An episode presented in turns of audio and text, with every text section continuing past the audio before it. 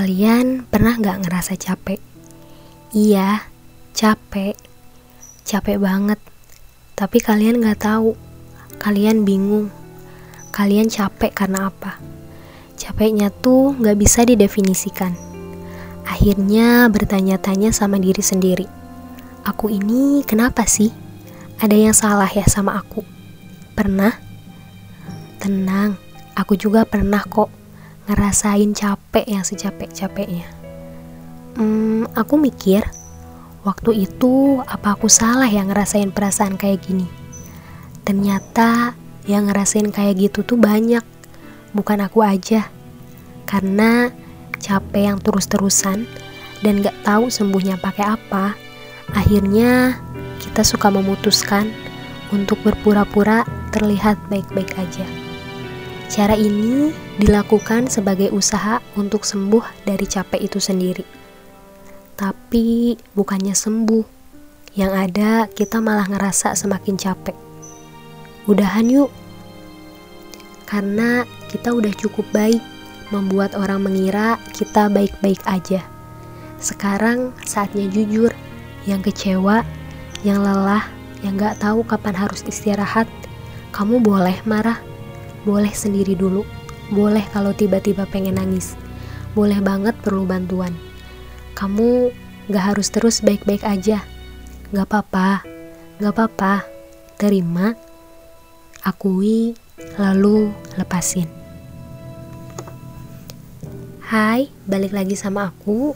Kali ini aku akan membahas salah satu buku yang menarik bagi aku tentunya dan mengubah cara pandangku terhadap diri aku sendiri, terhadap hidupku, dan terhadap orang-orang yang ada di sekitarku. Hmm, buku ini termasuk ke dalam jajaran buku bestseller karena pada masanya kalau misalnya teman-teman main ke Gramedia, buku ini dipajang di rak kaca yang di mana buku ini termasuk ke dalam buku yang paling banyak diminati dan paling banyak dicari oleh pengunjung. Buku ini berjudul Kamu Gak Sendiri, karya Syahid Muhammad. Buku ini dilahirkan pada akhir tahun 2019. Sebelumnya, penulis sudah melahirkan enam karya. Yang pertama, Kala, Amor Fati, Egosentris, Paradigma, Sada, dan 25 jam. Sekedar fun fact, kalau misalnya teman-teman ada yang udah pernah baca karya Bang Iid sebelumnya, pasti Udah tahu banget dong ciri khasnya? Yaps, ciri khas dari buku yang ia tulis yaitu dari covernya. Covernya selalu didominasi oleh warna hitam.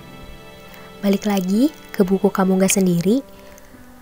Buku ini sangat menarik karena termasuk buku self-improvement pertama yang ia tulis berdasarkan pengalaman pribadi. Rasa sakit yang ia rasakan dan rasa cemas berlebihan yang membuatnya takut, sehingga menimbulkan serangan panik yang terus-menerus berdatangan pada dirinya. Bertahun-tahun Bang Iid merasakan ini dan bertahun-tahun pula ia berusaha untuk sembuh. Oh iya, Bang Iid adalah sapaan akrab untuk penulis Syahid Muhammad. Hmm, jujur, aku salut banget sama dia karena mau menceritakan dan membagikan pengalaman yang berusaha ia kubur dalam-dalam untuk membantu dan mengingatkan kita jika apa yang kita rasakan itu wajar. Ia ingin menegaskan jika kita seharusnya mulai mencoba untuk menerima suatu hal, mengizinkan diri untuk jatuh dan mengakuinya. Bang Iid mengakui sejak kecil dirinya menemui banyak sekali keresahan. Awalnya ia berpikir cuma dia aja yang merasakan perasaan kayak gitu. Tapi akhirnya dia sadar, mungkin banyak orang yang mengalami perasaan serupa, hanya saja mereka nggak berani mengungkapkannya. Itulah kenapa buku ini dilahirkan, untuk mengingatkan kalau kita itu gak sendirian. Buku ini terdiri dari 340 halaman, disajikan dalam urutan subbab, membuat kita para pembaca lebih mudah memahami isi dari buku ini. Ketika kita sampai pada bagian akhir cerita di masing-masing subbab, terdapat pesan moral yang sengaja penulis sampaikan lewat kutipan. sehingga itu menjadi hal yang membuat pembaca terkesan. Pada beberapa subbab juga, penulis menyelipkan kata hatinya yang dituangkan pada satu halaman berbeda berwarna hitam.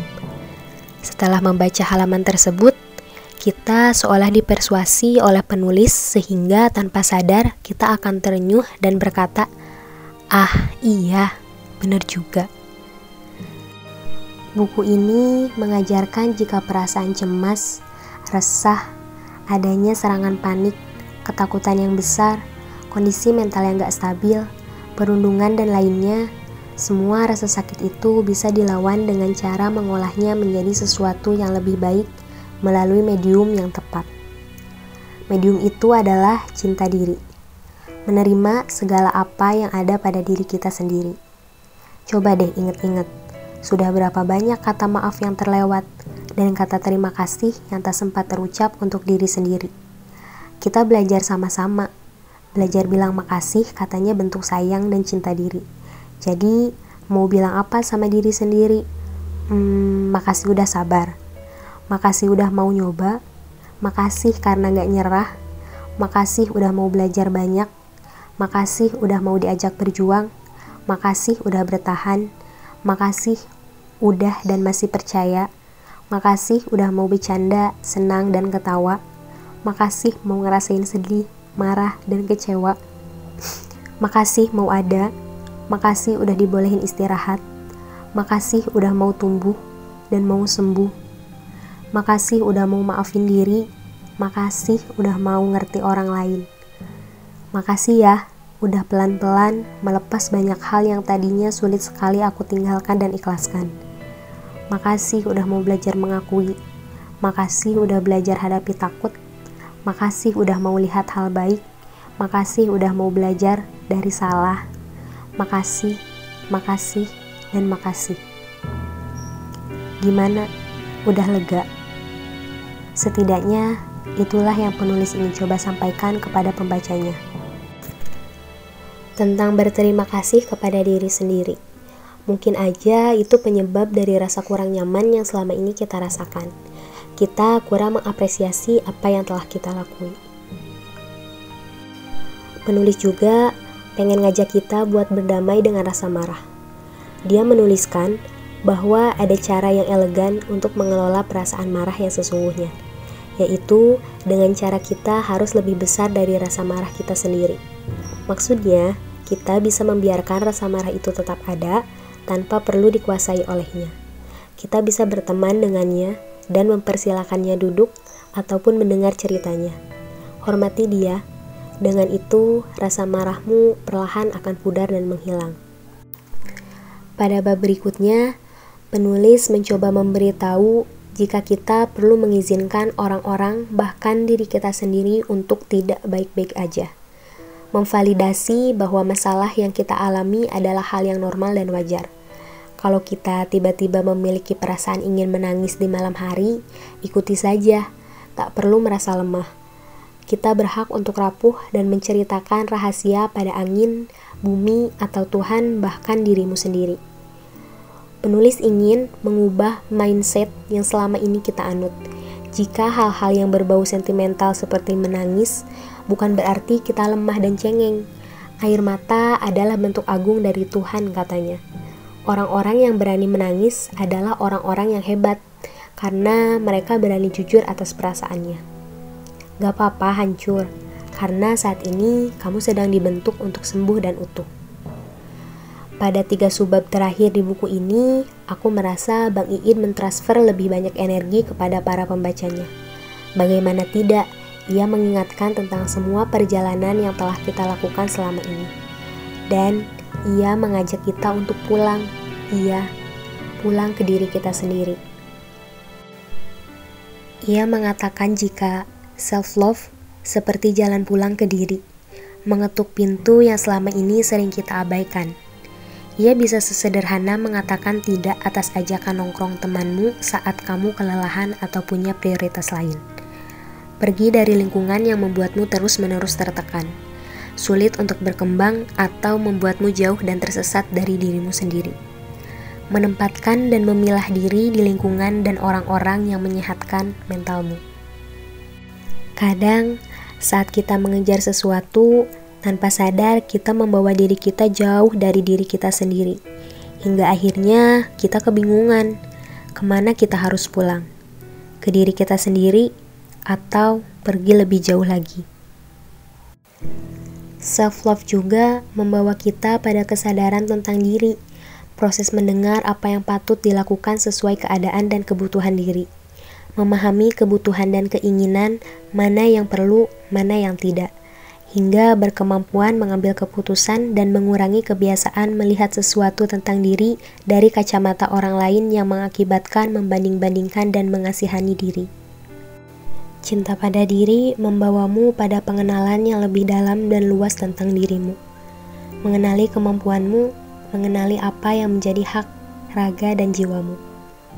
Belajar mana yang perlu dibatasi, mana yang perlu dilepaskan. Mana yang perlu kau bawa ke dalam hidupmu dan cinta pada diri yang akan mengajarkan kita memaafkan diri serta orang lain. Memaafkan adalah seni melepas dari rasa sakit. Kita harus ingat kalau diri kita berhak atas cinta sebagaimana kita memberi cinta pada yang kita kasihi. Jika kita mampu memberikan rasa cinta itu kepada orang-orang yang kita mau, kenapa kita tidak mencoba untuk memberikan rasa cinta yang lebih kepada diri kita sendiri? Di akhir, penulis menutup bukunya dengan sebuah puisi. Ada baitnya yang berbunyi seperti ini. Yang sibuk mencari bahu untuk bersandar, yang kadang lupa ada sejadah untuk bersujud. Mungkin sekali-kali kita bisa coba untuk mencurahkan apa yang dirasa kepada Ia Sang Maha Segala. Buku ini sangat aku rekomendasikan untuk kalian yang lagi merasakan segala macam bentuk dari perasaan. Entah itu senang, sedih, kecewa, capek, dan ingin nyerah. Buku ini hadir untuk menemani kalian supaya kalian tidak merasa sendirian. Aku ucapkan terima kasih kepada yang pernah ada saat itu dan ada saat ini. Pada yang berencana pergi atau berencana ingin terus ada. Kepada yang mengecewakan, kepada yang saya kecewakan. Kepada yang mencintai, kepada yang saya cintai. Kepada yang tidak pernah diminta, kepada yang tiba-tiba ada, dan kepada yang tahu caranya ada. Terima kasih ya, sudah saling membentuk. Sebelum ditutup, aku ingin menyapa diriku lagi. Halo diri, takut apa sekarang? Gak apa-apa, takut wajar. Ayo belajar menghadapi. Kan tahu, gak semua yang serem ingin menyakiti.